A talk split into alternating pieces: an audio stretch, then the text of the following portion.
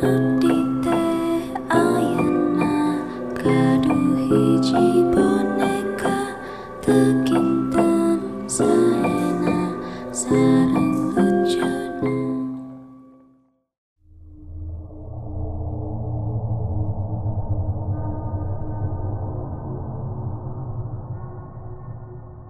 Komunai, kembali lagi bersama kita di podcast Dialog Komunikasi dan uh, di sini karena udah lihat covernya, udah lihat deskripsinya, kita bakalan beda banget.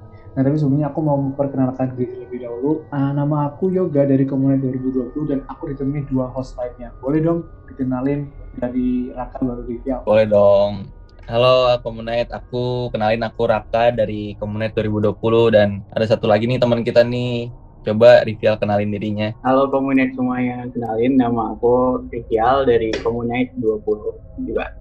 Gimana nih kabarnya Yoga sama Rivial? Pasti kan sekarang kan lagi musim-musim hujan nih, pasti banyak apa ya eh, bahaya-bahaya virus atau penyakit-penyakit yang berdatangan. Gimana nih kabar kalian? Sih alhamdulillah ya walaupun agak hujannya agak suram, agak kurang gemuruh di mana-mana gitu. Tapi alhamdulillah sehat, nggak kena flu alhamdulillah. Kalau Rivial gimana Rivial? Aku baru kemarin itu sempat sakit sih di kepala kayak pening gitu, tapi di satu titik gitu. Minum obat Tapi ya. udah lumayan sembuh, Tapi sekarang aman kan ya? aman-aman. Alhamdulillah. Pokoknya komunet jangan lupa jaga kesehatan ya, karena kita kan masih lanjut-lanjut terus kuliah nih sampai Desember. Nah, teman-teman komunet kan kemarin kalau kalian udah mantau di channel 11 kayak ada sesuatu nih, kayak ada yang spesial nih di podcast kita kali ini. Nah, kali ini kita bakal bahas apa nih, Yok? Kalau kalian tahu, ini kita bakalan bahas tentang berbau Halloween nih. Kalau kalian tahu kan ini habis ini tanggal 31 Oktober ya, di mana kita akan Oh, iya. Halloween. Nah, biasanya Halloween itu bakalan diselimuti sama cerita-cerita yang serem, cerita-cerita yang mencekam, cerita-cerita yang bikin bulu kuduk merinding. Ini aku nyampein sekarang, belum aja cerita udah kayak aku ngerasa agak serem nih. Parah, ini udah merinding banget sih. Iya Sumpah. nih, iya kan. Aduh iya kan, aduh aku juga kayak ngerasa nggak tenang nih di sini. Nah, tapi kita mau bahas cerita-ceritanya siapa dulu sih, Rak? Apa cerita dari mana dulu nih? Apa komunai Nah, dulu? kalau, kalau komunet mantau nih tiga channel 11 pasti kan ada beberapa hari lalu tuh ada key box, ada question box yok Yal. dan siapa pun bebas ngisi. Nah, kali ini ada cerita salah satu cerita dari teman kita nih Ed Sobastian. Dulu dia si Sobastian ini ikut program kerja Himeng atau kalau teman-teman tahu Himanika mengajar di salah satu daerah yang kita sebut aja kali ya inisialnya daerah T. Nah, mereka itu dibagi-bagi gitu. Ada yang nginep di rumah warga, ada yang nginep di tempat mereka mengajar, yaitu sekolah. Dan di kampung itu di daerah T itu eh, kalau udah jam 8 malam ada pema- pemadaman listrik dan emang bener-bener listrik nggak masuk ke daerah situ setelah jam 8 karena mereka singkat cerita karena mereka bosen nggak ngapa-ngapain dan nggak ada listrik nggak ada sinyal ya kan? Akhirnya mereka masuk ke suatu ruangan gitu deh tempat mereka istirahat di sekolah tersebut. Akhirnya mereka berujung ke cerita-cerita yang horor. Mereka cerita-cerita horor gitu. Singkat cerita setelah cerita semua cerita selesai tiba-tiba ada yang ngetok kaca jendela. Coba kalian eh, bayangin malam-malam ada yang ngetok kaca jendela. Kalian tahu kan kalau kaca jendela digedor-gedor kayak suaranya rada gimana creepy creepy gimana gitu? Ih, habis ada yang ngetok tuh ternyata ada suara Miske. Aduh Miske nih. Kalau aku sebut takut dia muncul di belakang. Aduh. Cuma- tapi biar komunitas pada tahu Miske itu apa kita sebut aja kali ya. Itu Miske itu kuntilanak. Eh, tiba-tiba ada suara kuntilanak itu sambil ngetok-ngetok eh, jendelanya. Kalian kalian tahu kan suara-suara kuntilanak kayak meringkih meringkih meringkih tinggi gitu ketawanya. Dibarengin sama suara kaca jendela kayak tok tok tok kayak terus dibarengin sama suaranya dia kayak hihihihi kayak eh merinding sih kalau aku di sini Nah, kalau tadi kan si Miss K ini kan ketok-ketok pintu ya, kayak gitu. Nah, tapi kalau misalnya aku, pengetahuan aku nih, pengetahuan aku tuh ada eh, beberapa ciri-ciri kalau makhluk nggak kasat mata yang nggak bisa kita lihat itu ada di sekitar kita gitu. Jadi kayak kayak sekarang kita nih, ini kita nggak tahu di sekitar kita, tapi kalau kita tahu ciri-ciri ini, dia bak- ah, apa ya? Kayak kita bakalan tahu gitu. Nah, salah satunya adalah aroma amis. Amis di sini tuh kayak bau darah ya, uh, komunite. Jadi kayak kalau misalnya kalian ada nyium bau amis darah gitu, entah itu di rumah kalian atau itu di gedung atau itu di tempat apa. Nah, konon katanya itu ada sundel bolong yang ini tinggalnya bolong itu itu sedang lewat di uh, apa ya di sekitaran kalian gitu. Jadi uh, itu kalian pernah nggak sih Trivial sama Raka kayak misalnya ngerasain ada bau amis darah ini kan kayak paling Nah, kalau aku ada sih paling menyengat kali ya, paling apa ya paling kecium kali ya. Iya. Aku aku ada cerita nih dulu waktu aku masih di rumah di Jakarta, kayak sore-sore tiba-tiba aku nyium bau aroma amis nih, aroma darah. Kayak aku kan panik kan tiba-tiba kan. Aku coba carilah tuh bau tuh dari mana, tuh aroma dari mana. Ya ternyata tuh setelah aku cari dari dapur, terus aku lihat eh ternyata ibuku lagi motong daging sapi. kayak bau-bau amis. aduh Cuman agak jenuh abis- Abis itu aman sih, aman. Paniknya hilang. Ternyata bukan sendal bolong. aduh tapi siapa tahu Rat tiba-tiba motong-motong gini tapi pas kamu lihat ibumu di belakangmu ada sesuatu Rat kita nggak tahu Jangan dong. aduh Kamu- tapi kamu tahu kan yang sundel bolong yang legendaris itu yang pemain filmnya Suzana yang Hmm. Bang pesan satenya Bang 100 tusuk. Rival pasti tahu kan? Yang itu sundel bolong yang masuk banget nggak sih? Yang dia makan sate terus langsung keluar dari bolongannya itu di belakang. itu kuahnya ada sebaskom sebaskom atau Iya iya iya. iya. Sepanci. 100 tusuk terus nambah lagi nambah lagi ya kan? aduh Ini tuh bayar nggak? Aku lupa deh dia bayar apa nggak di sini. Nah ya, Kayaknya si tukang satenya keburu takut dah. Ah, Jadi- nangis ya, Mending mending kabur daripada mikirin kabur daripada bayar. agak rugi ya. Tapi iya sih, karena apalagi yang marahin aja udah ada bau horornya kan. Um, alam almarhumah Susan ini kan juga banyak horor-horornya juga. Nah tapi selain ya, selain guys aroma amis yang amis darah yang tadi ngabar ada sebel, uh, ada sebel bolong di sekitar kita, itu tuh ada kalau kalian punya peliharaan anjing, anjing ini ya hewan ya, bukan Hewan ya, bukan anjing manusia. Ya bukan anjing manusia bukan, Ya, tapi itu anjing hewan. teman-teman Ya, itu ada teman-teman anjing gitu. Enggak, bercanda. jadi jadi kalau misalnya ada lolongan anjing, entah itu kalian misalnya kalian ada di sini, tapi anjingnya lolongnya di sana tuh kayak agak jauh gitu. Nah itu menggambarkan kalau ada makhluk halus yang ada di sekitaran gunungan itu. Kalau kalian tahu di film, ya kan di film-film horor itu kan biasanya lolongan anjing tuh kencang-kencang tapi nggak tahu ngomongin siapa gitu. Ya, ya. Nah itu biasanya di depannya anjing itu ada makhluk halus yang lagi di situ berdiri di situ gitu. Tapi kalian pernah nggak sih kayak tetangga kalian misalnya atau mungkin saudara kalian atau mungkin kalian sendiri pernah nggak sih kayak ngalah lolongan anjing loh ini? Wah, kalau aku kebetulan nggak pernah sih. Aku ada anjing, tapi anjing ju, anjingku kayak nggak peka gitu sama sekitar, jadi dia nggak pernah gonggong. Alhamdulillah ya. River gimana Phil? Kalau aku kemarin tuh sempet ada anjing-anjing liar gitu masuk komplek bergelombolan gitu loh kayak tapi itu di tengah-tengah malam aku pun nggak tahu kan sampai ngeliat ke luar jendela kan kayak tapi mereka tuh gerombolan gitu loh tapi nggak tahu lagi nyariin apa gitu lagi nungguin siapa tuh nggak tahu Ah, Hati-hati. Hmm. Jadi tuh nungguin, nggak tahu nungguin apa nih. Iya, nggak tahu. Daripada disebut muncul beneran ya kan? Nah, nggak lucu, nggak lucu, ya kan? Nah, tapi selain lolongan anjing guys, itu ada aroma pembakaran nih. Biasanya kalau aroma pembakaran itu kayak ada hantu-hantu atau eh, makhluk halus yang apa ya istilahnya mayatnya itu nggak dirusak apa ya kayak dia kalau kita kuburkan mayat kan ada yang rusak sempurna ada yang enggak. Nah biasanya itu Hmm, ya. ada kayak dia tuh nggak rusak sempurna gitu. Nah di dalam tanah itu biasanya uh, ciri-cirinya di sekitarnya tuh aromanya uh, pembakaran, aroma pembakaran. Atau mungkin ada mayat yang luka bakar gitu. Jadi misalnya hantunya mati akibat luka bakar. Nah itu udah fix itu ada di sekitar kalian kalau aroma pembakar. Terus ada lagi benda bergerak. Nah ini paling sering banget ya kan yang kita alami kalau misalnya kita Sering ada- banget di film-film.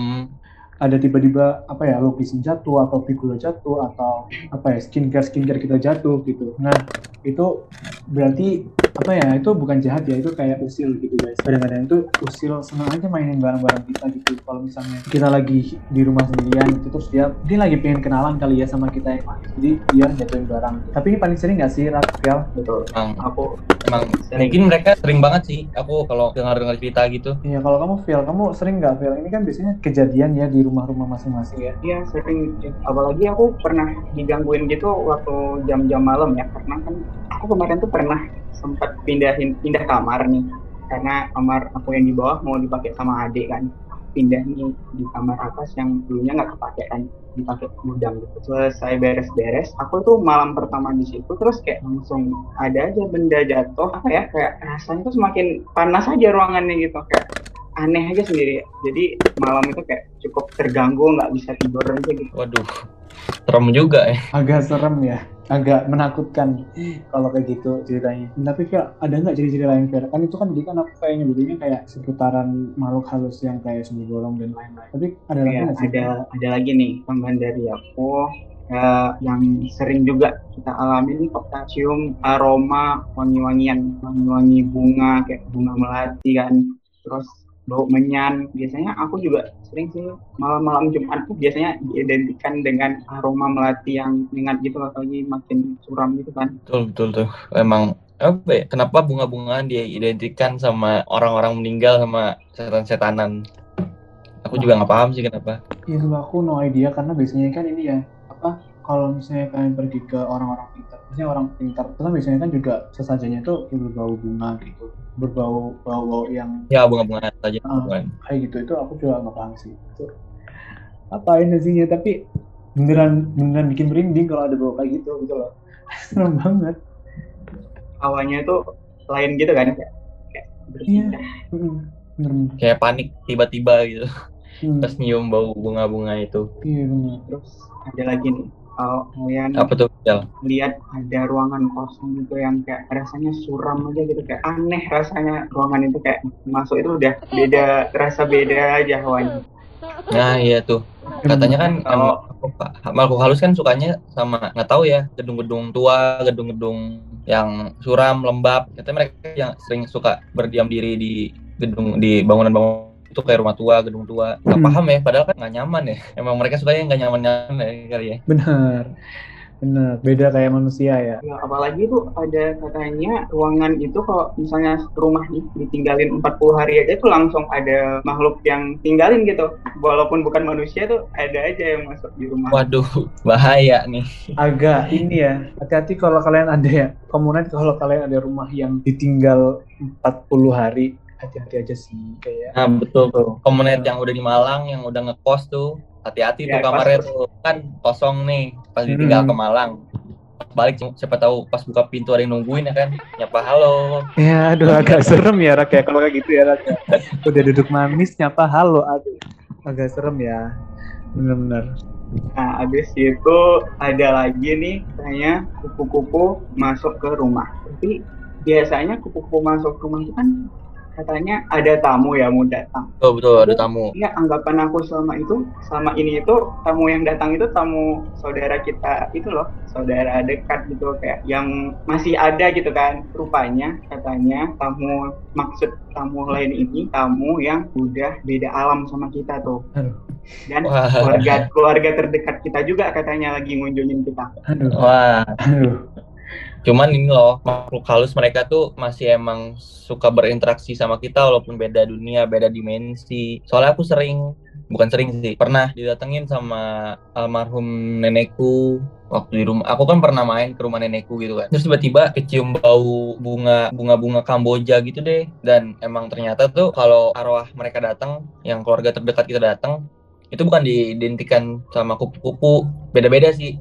Ada yang ada yang sama kupu-kupu, cuman biasanya diidentikan sama hal-hal atau barang-barang yang mereka suka waktu mereka hidup. Jadi nenekku suka bunga Kamboja nih waktu waktu masih hidup. Jadi pas dia datang keciumnya aroma bunga Kamboja dan aku tanya sama adik sepupuku yang emang beneran bisa ngelihat dan indigo, ternyata emang beneran datang duduk gitu di sebelah di bang di bangku kosong gitu. ini ya uh, kadang makhluk halus ini membawa ini apa ya emosi sedih atau memilukan gitu di sekitar kita walaupun gak ada penampakannya agak Emang kurangan aja selama ya. ya betul betul.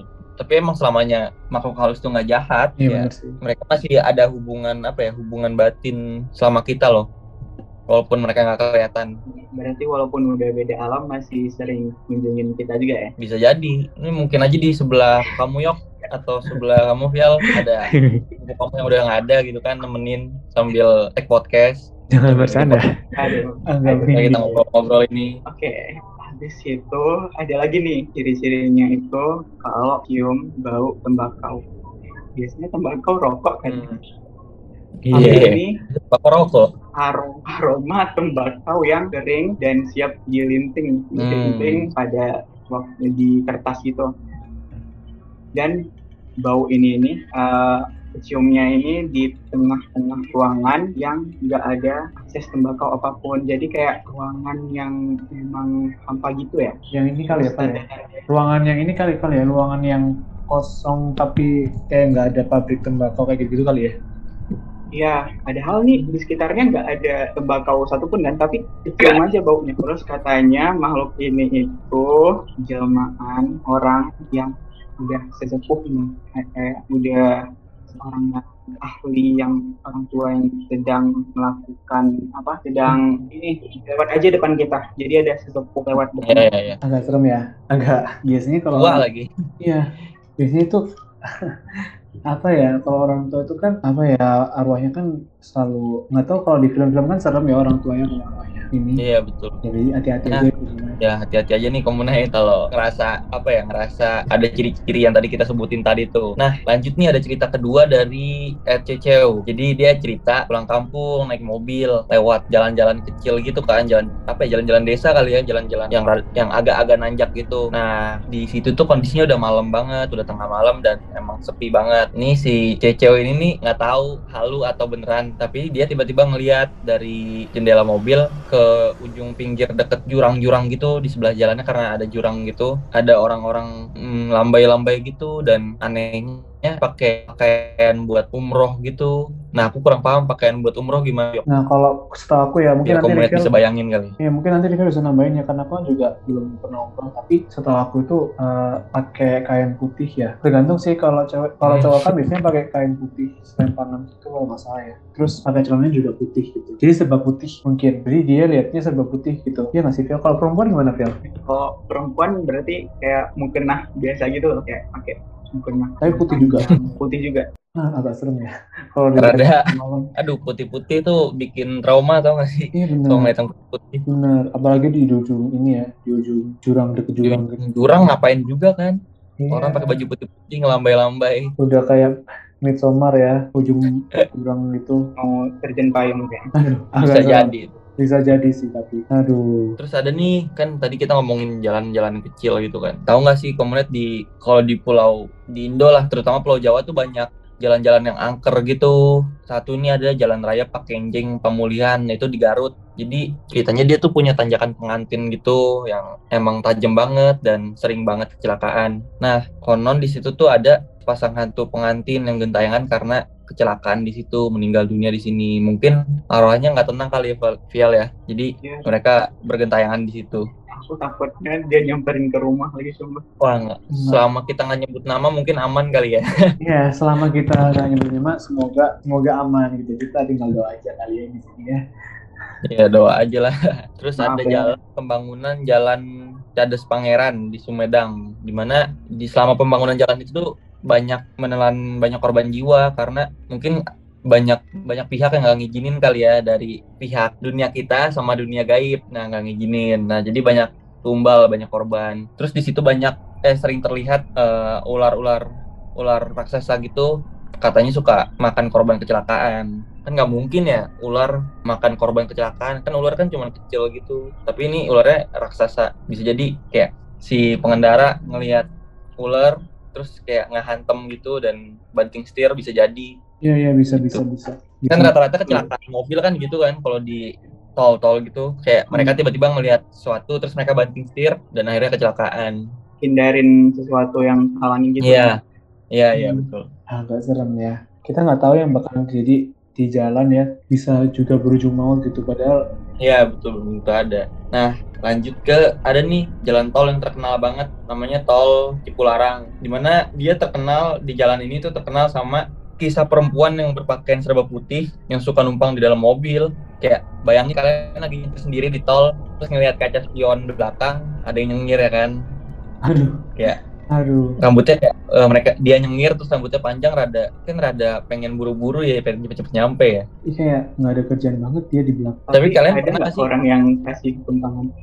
Ih, kalau ngasih tumpangan kayaknya nggak dulu ya. Kayak kalau misalnya tiba-tiba masuk ada di belakang nggak dulu ya. Aku kayak mau enggak skip dulu. Skip dulu banget skip banget. Mandiri kadang dia mandiri ya. Kayak Iya. naik sendiri gitu Hmm, kadang tapi kadang aku pernah dengar cerita kayak apa ya kita tuh di lagi jalan cuma ada yang eh mau numpang ini ke sini. Ini nyatanya pas kita ada jalan terus agak arahnya agak ke jalan yang sepi banget kan biasanya kalau ya ke arah kuburan gitu. Iya arah kuburan atau jalan-jalan angker itu dan kadang dia langsung hilang di belakang nah itu. Aduh nggak sopan banget sih. Nggak lucu banget itu loh kayak Itu paling Iya, sering kan ya. Iya paling sering, apalagi kalau Gojek. Gojek itu pasti Hmm. ada banyak cerita kayak di Gojek, Grab, yang gitu itu banyak pasti. Ojek online lah pokoknya. Terus selanjut nih ada sebelah majuan dikit dari Cipularang yaitu jalan tol Cipali. Nah kalau di tol Cipali ini emang beneran nih aku pernah ngalamin. Aku pulang nyetir sama keluargaku karena udah pada nggak kuat gitu kan. Jadi aku nyetir sendirian sekitar jam 3 jam jam 4 pagi ya, bukan jam 4 sore. Wah, keluargaku udah pada tidur dan aku nyetir sendirian dan di jalan itu tiba-tiba aku ngelihat kalian kalau bayangin tuh ini moncong mobilku terus tiba-tiba ada yang nyebrang gitu di nyebrangnya eh, beneran nyebrang kayak nenek-nenek Itu, gitu. Untung eh, bener- kayak wujud itu kayak nenek-nenek bungkuk atau kakek-kakek pakai baju warna coklat. Dan untungnya di situ aku nggak banting setir. Jadi aku gaspol aja terus. Jadi kayak rada aku tabrak tapi nggak ada apa-apa. Aku lihat di spion. Berarti dia nggak melayang gitu ya. Kayak ah, nggak nggak nggak melayang. Tapi kalian bayangin aja jam 3 siapa yang nyebrang tol? Bungkuk lagi. Iya sih. itu kayak menurutku yang paling horor cerita hororku paling horor dia itu karena beneran depan muka aku persis ini aku ada lagi uh, pengalaman aku sendiri waktu SMA kan. Ini kan SMA-nya di asrama ya kan kayak SMA aku ini kayak kurang gitu loh soal lampu-lampu jalan gitu. Seharusnya kan asrama gitu mendukung ya ada kayak lampu jalan setidaknya berapa meter itu ada lampu gitu di simpang-simpang jalan. Satu malam kan di SMA nggak dikasih bawa laptop, nggak dikasih bawa Hmm. HP smartphone gitu kan kayak. Jadi kita tuh mau cari referensi apa apa tuh harus ke lab komputer dulu dan lab komputernya itu jauh gitu loh dari asramanya dan kita tuh harus nyelesain tugas itu tugas dari gurunya ada disuruh buat PPT gitu kan di kelompok waktu di labcom itu kita tuh lumayan lama buatnya dan kita tuh termasuk orang yang terakhir gitu loh yang terakhir siap dari labcom itu. Waktu kita siap itu sekitar jam 11an lewat gitu kan. Jadi orang itu semuanya udah pada balik ke asrama gitu di jalan pulang. Kita tuh oh ya aku ceritain sedikit dulu ya karena SMA aku tuh kan lumayan luas. Jadi kayak jalan pulangnya itu di samping kanan itu misalnya kita pulang itu ada kebun jagung dan samping kirinya itu ada empang gitu empang untuk ternak ikan gitu kan. Nah itu jalannya jalan setapak gitu loh kayak jalan ada jalan pintas tapi jalannya itu lewatin asrama putri Oh, berarti kita sekolahmu- itu di- Sekolahmu gede gitu, Vial. Maksudnya kayak satu Iya. tempat gitu, satu tempat gak ada apa-apa lagi. luasnya itu sekitar 7 hektar. Ya, jadi sekolahnya itu di depan, tapi asramanya itu di belakang sana. Jadi bukit gitu. Jadi Hmm. asramanya itu di atas bukit gitu. Waktu jalan pulang itu di tengah jalan tuh memang nggak ada satupun penerangan gitu. Ada cuma di ujung jalan setapak sama di ujungnya lagi sana sebelum ke jalan aspal. Nah, jadi aku nih ada sama teman-temanku. Terus kayak keluarin senter kan dari kita yang dikasih pakai itu cuma HP ini loh HP Tino Tino tau nggak? HP yang cuma bisa nelpon sama SMS Kotak balok gitu ya. oh tahu. Ya cuma Hmm. HP itu kita dikasih. Jadi kita pada pakai center nih. Terus di tengah jalan nih ada temanku iseng. Gitu kayak bilang tanya kalau di jalan itu kalau ada lampu yang kedap-kedip sendiri tapi kayak nggak ada gangguan itu katanya hantu di sekitar situ tuh ada ya gitu kan. Habis temenku bilang gitu kan tiba-tiba ada suara nih dari kebun jagung gitu kayak memang ada yang gerak-gerakin gitu. Tapi kita tuh tenang aja semuanya kayak tenang jalan sedikit lagi nyampe di ujung sebelum ke jalan aspal. Di jalan aspal itu kita nih buat janjian nih bilang kita bilang "Eh, ini ya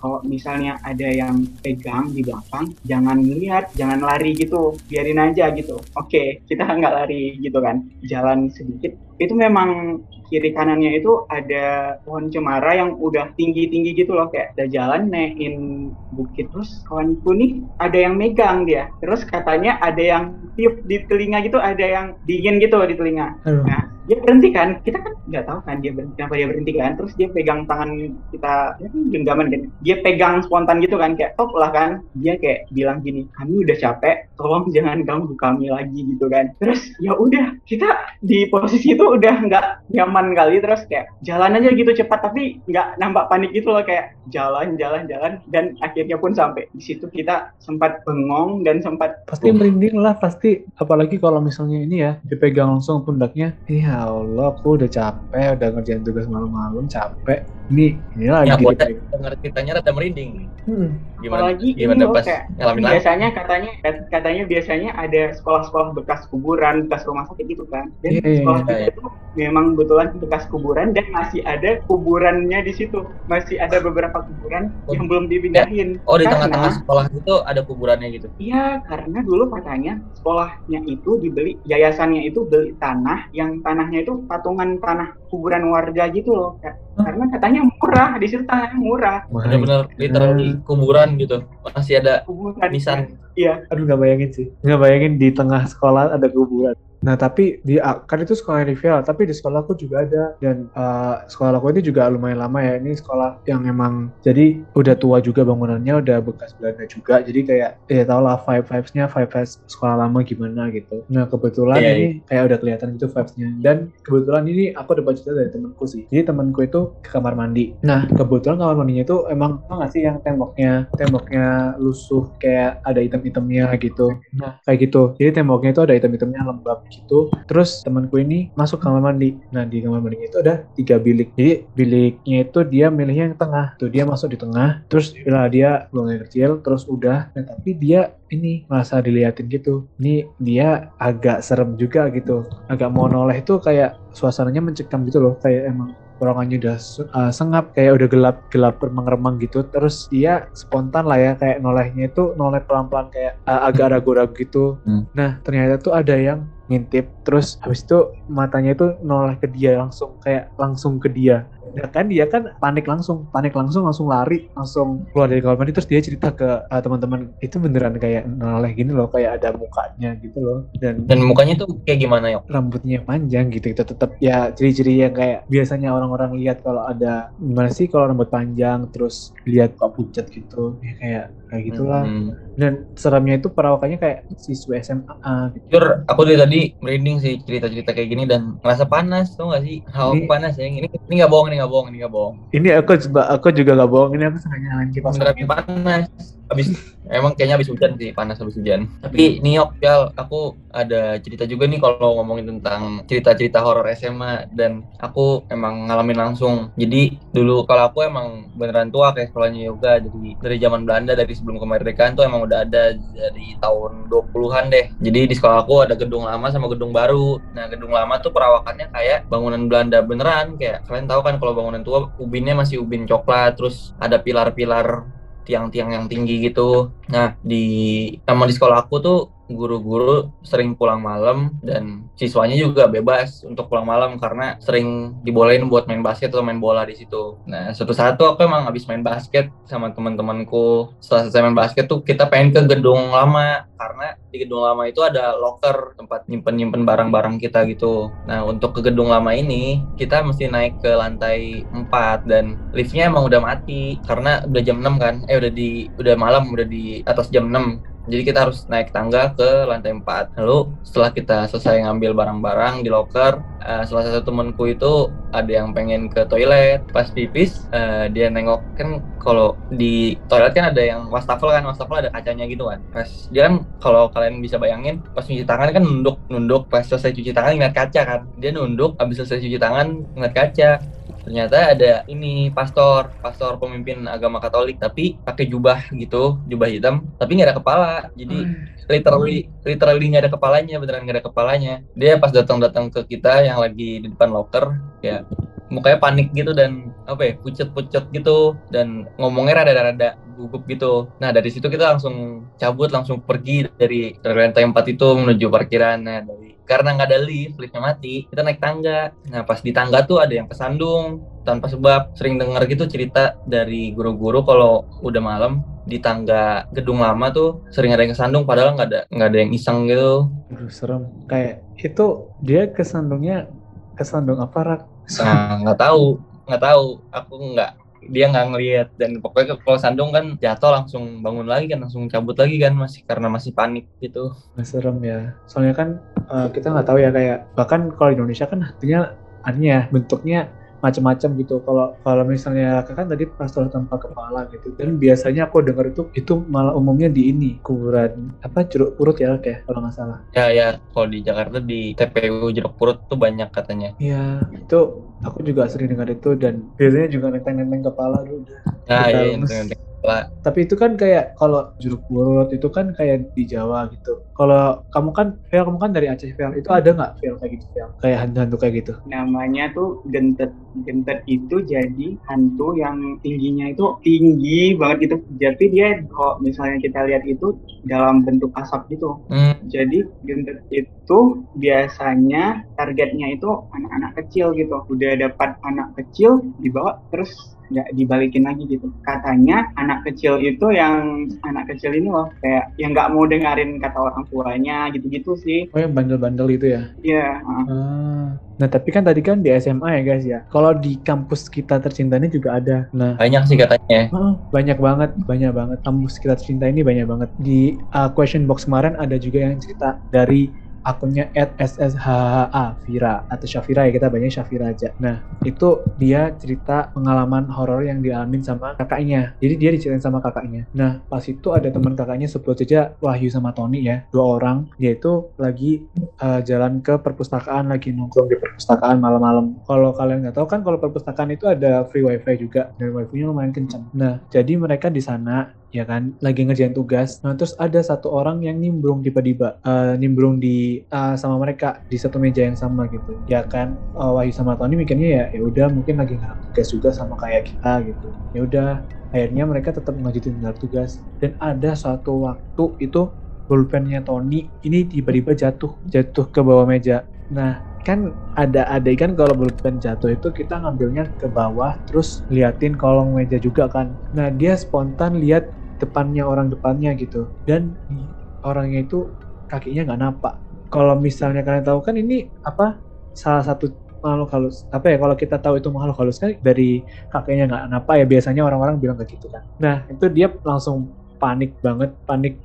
Tapi ya langsung buru-buru aja gitu. Kayak bilang eh Wahyu sama orang di depannya bilang "E, aku duluan ya soalnya soalnya udah malam gitu. Udah udah lari itu udah lari langsung si Wahyu bingung ini kenapa si Tony cepet-cepet banget gitu perginya terus habis itu si Tony ini eh, ini ngechat eh, Wahyu kayak bilang eh ini kamu harus tahu kalau di depan kamu itu bukan orang tau gak sih itu bukan orang tapi ya tau lah dia pasti bilang gimana nah ya udah Panik sih aku kalau gitu.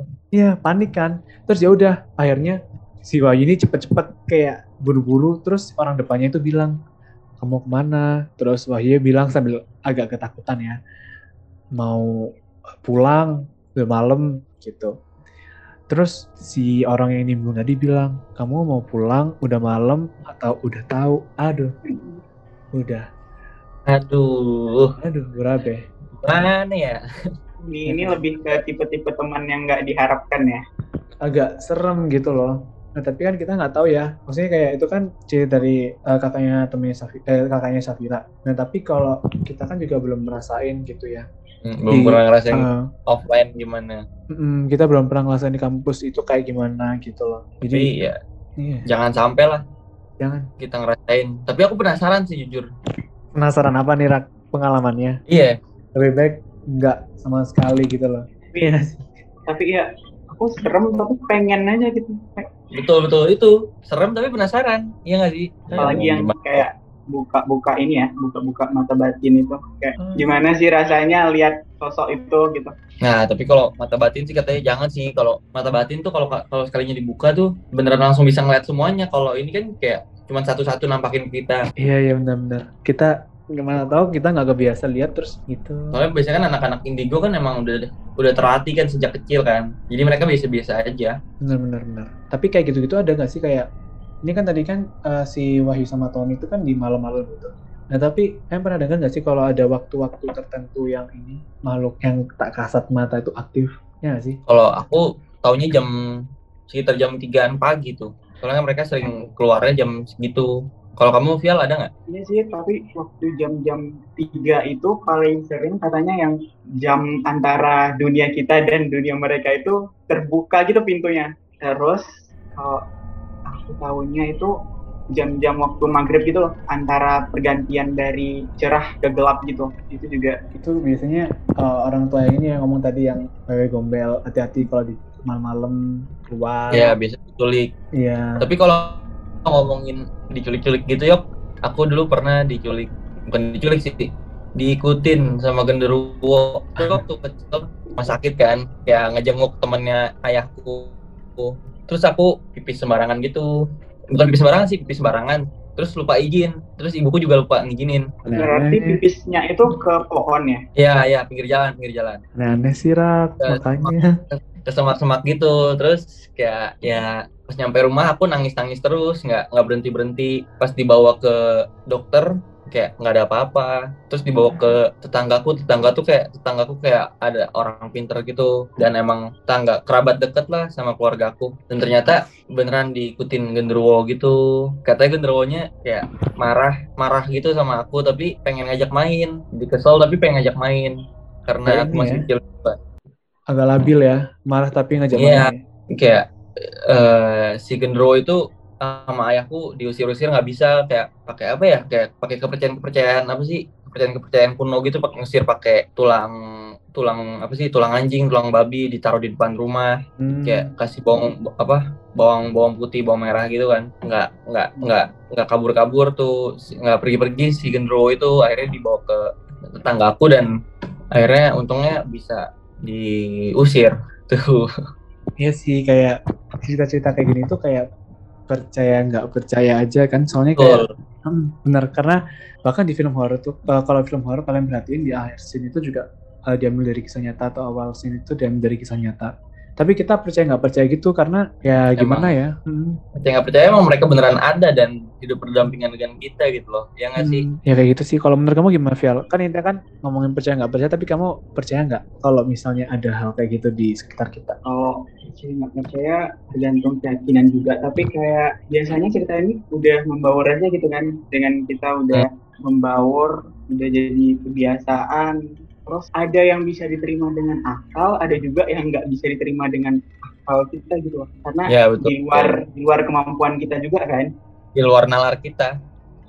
Ya sih, kalau menurut kamu gimana, Rak? Kalau kayak gitu, Rak? kalau menurutku ya sebenarnya aku percaya percaya aja dan emang kita hidup berdampingan. Tapi ya ada satu hal yang perlu kita ingat tuh kayak derajat kita posisi kita tuh lebih tinggi daripada mereka. Ya gampang sih ngomong jangan takut. Tapi kalau dihadapin beneran kan ya beneran takut. Tapi emang ya mau mau gimana ya cuman bisa pasrah Ya sih benar. Eh, kita ya gitu sih komunitas kalau kalian eh, ngerasain ada sesuatu di sekitar kalian atau mungkin eh, di sekitar kalian ada barang yang jatuh atau mungkin ada tanda-tanda yang ciri-ciri yang kita sebutin tadi udah disebutin sama aku, Rivial sama Raka. Mungkin ya ingat aja kalau kita itu ada di atas mereka, derajat kita di atas mereka. Terus jangan lupa berdoa di mana pun kalian berada karena kan kita juga punya kepercayaan masing-masing. Jadi jangan lupa berdoa berdoa gitu loh karena itu satu-satunya cara yang bisa kita lakuin gitu. Dan jangan Betul. aneh-aneh, jangan jaga Jangan aneh, juga. jangan Ah, nantang jangan nantang Iya benar, jangan nantang gitu. Bahkan ini kita cerita kayak gini pun kita nggak tahu nih sebelah kita atau sekitar kita ada ada apa kita nggak tahu. Tapi jadi tuh Hmm, bisa jadi dan ya jaga pokoknya jaga attitude aja lah gitu. Nah mungkin itu aja kali yang bisa kita ceritain ke Communite ya uh, cerita-cerita horor yang buat kalian nemenin kalian di Halloween kali ini tahun ini gitu. Mungkin uh, Rivia atau Raka mau ngasih statement nggak buat ini Communite? mungkin review ada kali Jadi untuk komunitas semua tetap waspada terhadap lingkungan kita sekitar sekitar kita. Kalau ketemu dia, katanya jangan takut gitu. Kalau kita makin takut, kita makin apa ya, makin ke bawah suasana gitu. Pokoknya biasa aja gitu. Dia juga sama kayak kita, nggak biasanya nggak ganggu. kurang lebih kalau aku sih sama sih yang penting kita hidup berdampingan nggak nggak nggak nggak saling ganggu dan yang penting jangan lupa berdoa. Karena kita di mata Tuhan tuh sama kita dan makhluk halus itu di mata Tuhan tuh sam- sama-sama di bawah Tuhan gitu loh kalau menurutku ya. Dan di mana apalagi makhluk halus di bawah kita. Jadi jangan takut dah pokoknya. Benar-benar. gitu. Mungkin sekian dah cerita-cerita horor untuk menemani kalian di Halloween kali ini. Dan jangan lupa nih follow IG kita IG channel11.com terus follow OA lain kita channel11.com dan jangan lupa juga follow Spotify kita dialog komunikasi dan tentunya pantengin terus karena bakal banyak banget konten-konten dan obrolan-obrolan menarik yang akan datang. Nah, jangan lupa kalau kalian ada kritik dan saran bisa langsung nih DM ke igchannel11.com atau DM ke salah satu anggota di channel11.com. Bener banget. Tapi aku mau terima kasih banget ke Rivial sebagai special host kali ini ya. Rivial udah mau nemenin podcast dialog komunikasi di sini. Itu. Makasih ya Rivial ya Sama BTW. guys. Hmm. Iya, makasih Hey, juga makasih, ya. channel11.com udah ngundang aku. Oke, thank you banget. Oke, eh, dan kalau misalnya ada Krisana tadi ya, kayak Raka tadi, jangan lupa disampaikan. Dan see you in the next episode, ga- eh, Common Night. Dadah. Tuh. Bye. Jangan lupa di follow akun-akunnya. Kalau nggak di follow nanti didatangin. Terus, Gak serem ya.